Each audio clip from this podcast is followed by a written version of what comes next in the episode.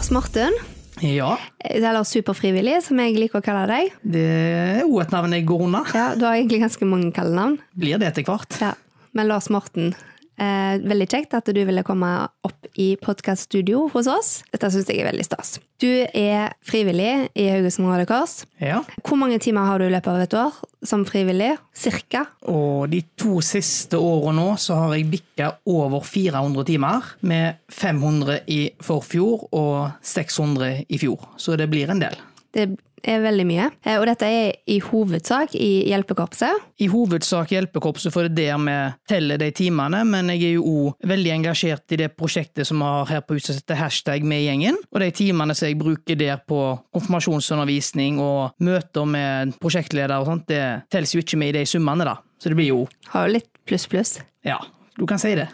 Eh, Og en av de tingene som fascinerte meg kanskje aller mest når jeg ble kjent med Haugesund Røde Kors, det var hvor enormt mye frivillighet det er, eh, og hvor mange timer folk legger, altså bruker av sin tid eh, for å være med og hjelpe andre. I hjelpekorpset så kanskje ute og leter etter andre. Eh, ja, og det å liksom bidra til at eh, andre kan få ei bedre fritid. Men, men enormt med timer. Eh, og det var ikke jeg klar over. Nei, men det, det blir jo litt sånn om du sitter nede på hjelpekorpsrommet her, du kjenner på atmosfæren. Det er en vanvittig god gjeng som sitter der nede. Vi får en påfyll av nye, kjekke mennesker hvert eneste år. Og gjengen blir jo bare mer og mer sammensveist, og du får rett og slett bare lyst til å bruke nesten all frivillig tid eller ledig tid du har i løpet av et døgn her på huset. Men du må jo selvfølgelig ha noen grenser så du ikke går på en smell en dag. For det virker jo som det er veldig sånn lystbetont. Altså Når jeg snakker med deg, og, og du eh, er på vei hjem fra jobb, sant? så er det jo litt sånn 'jeg skal komme meg ned på huset snart', eller Det virker jo ikke ut som det er noen som tvinger deg til det. Nei, det, men det er jo det jeg snakker om, at vi har den fantastisk gode gjengen som sitter der nede. Den kjekke folk som du blir kjent med siden du tok grunnkurset. Noen kjente du kanskje litt fra før, andre blir du kjent med etterpå, noen får du mye bedre kontakt med. Det er jo en del som finner kjærester og den typen ting i Apropos- hjelpekorpset. Ja. Ja, det må jo være en fantastisk bonus å kunne se at en har funnet kjærleiken i, i, det, altså i dette her, som du bruker så mye tid på. Ja, en, en klager ikke på det, for du har en, allerede banka inn en felles interesse for det som holder på med. For Det er jo veldig kjedelig hadde en funnet seg noen utenfor hjelpekorpset som syns at en brukte for mye tid på en hobby som en er blitt så glad i. Hadde det vært aktuelt, da?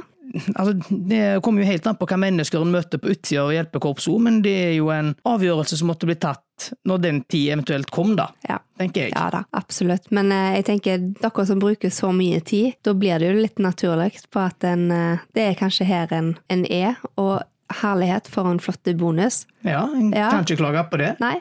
Og det som litt, jeg syns er veldig flott og interessant, det er jo at det, vi har jo en del av de kjærlighetshistoriene da, Ja, det- i, innad i, i organisasjonen.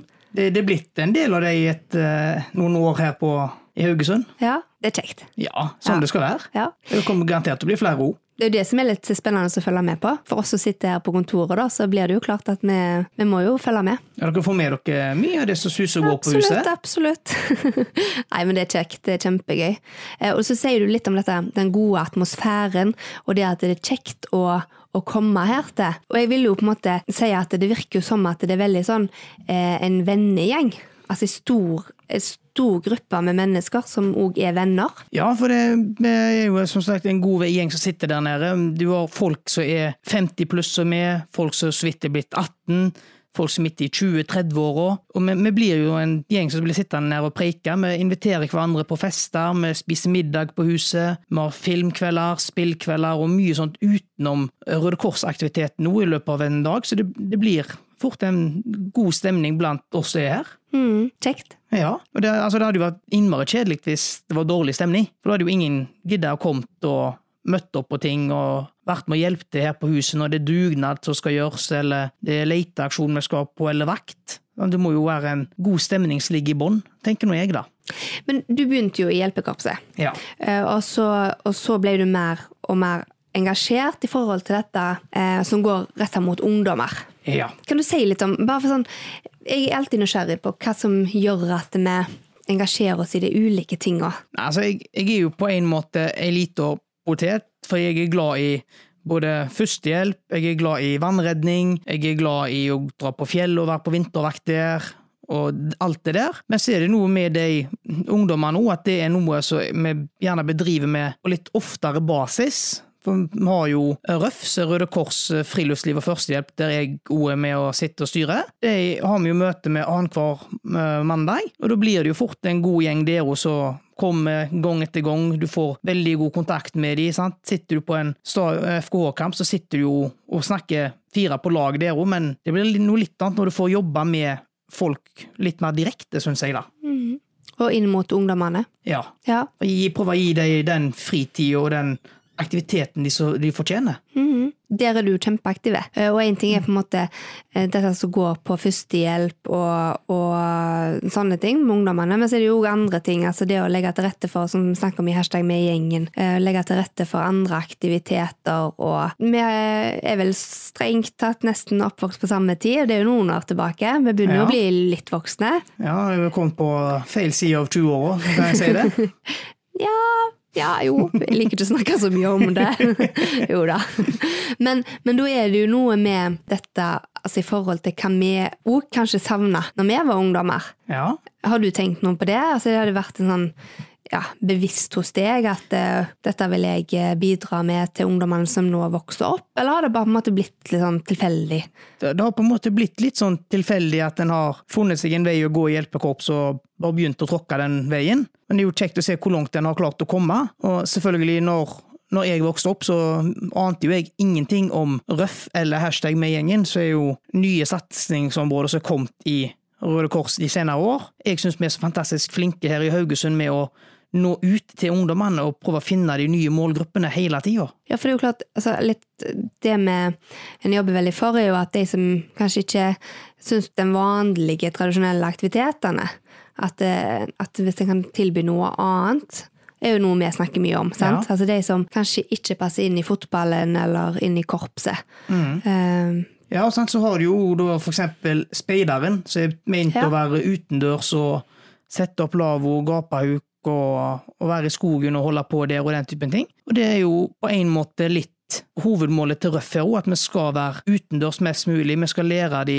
egentlig alt det de trenger å kunne for å kunne gå opp i hjelpekorpset når de blir gamle nok. Så da blir det jo litt eh, opp med gapahuk, det blir skiturer, det blir førstehjelp, det blir sårsminking og egentlig en god blanding av ting som de bør og skal kunne da, for å kunne en vakker dag da bli gode hjelpekorpsere, sånn som mange av oss her på huset er. mm, liker du å være ute? Ja, det er kjekkere det enn å sitte inne og kjede seg.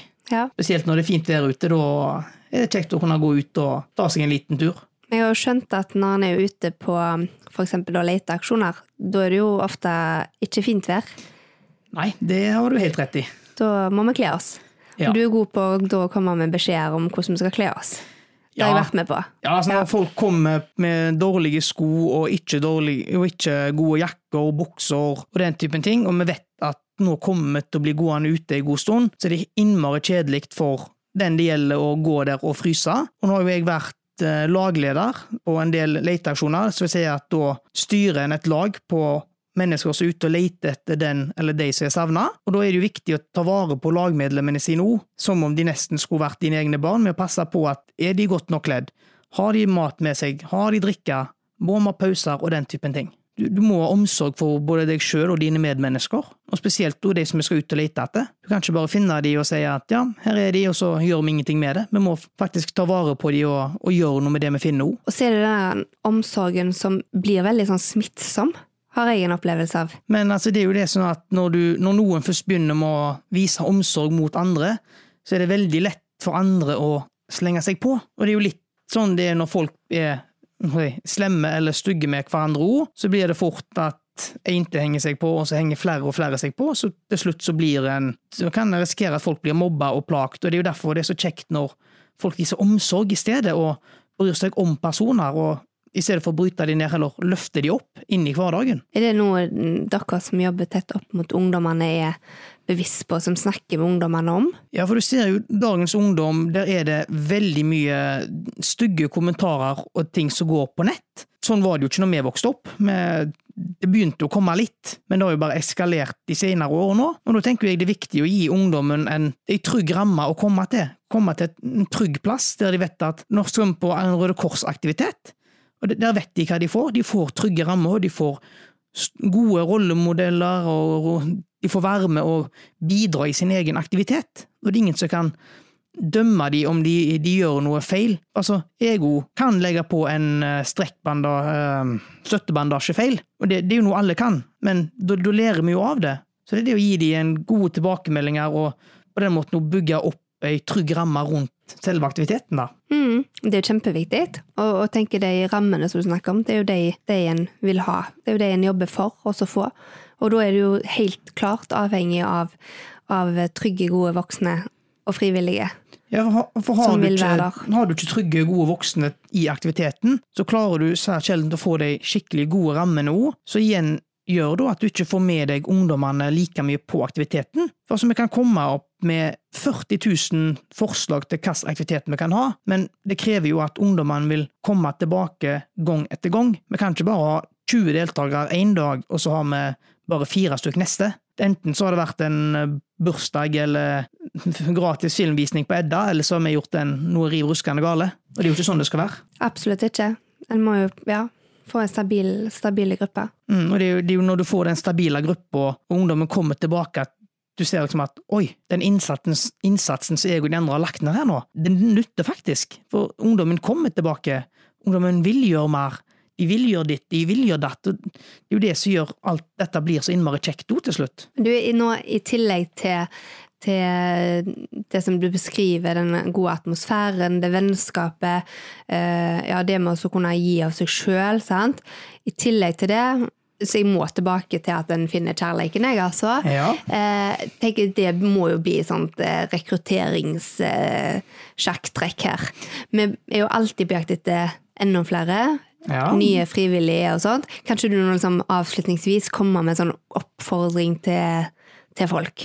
Jo, altså Hjelpekorpset er for, for alle som vil, og som er mentalt skikka til det. For det er ikke bare bare å være med her. Altså, du skal kunne gå en del timer i skog og mark og i bysøk. Du skal være mentalt rustet til å gjøre et dårlig funn av en person som gjerne har vært ute med en litt trist eller lei hensikt, men så er det jo òg fantastisk kjekt. Det er som du sier, altså, du, du har de som finner kjærligheten, og så igjen går videre til giftermål og kjøper seg hus i lag og får unger. Så du har liksom hele spekteret her i, i, Røde Kors. Og det kjekke er jo at nå er jo Haugesund en ganske stor studentby, egentlig. Og de studentene som kommer til oss og tar grunnkurset, de, når de er ferdige, så kan de gå rett tilbake igjen til sin hjemby, om det så er Volda eller Trondheim eller Tromsø for den saks skyld, og bare si hei, nå er jeg kommet tilbake til min hjembygd, og her er mitt Røde Kors, og der kan de bare melde seg rett inn. De slipper å ta noen nye kurs, fordi alle kurser her er like, så uansett hvor du bor i Norge,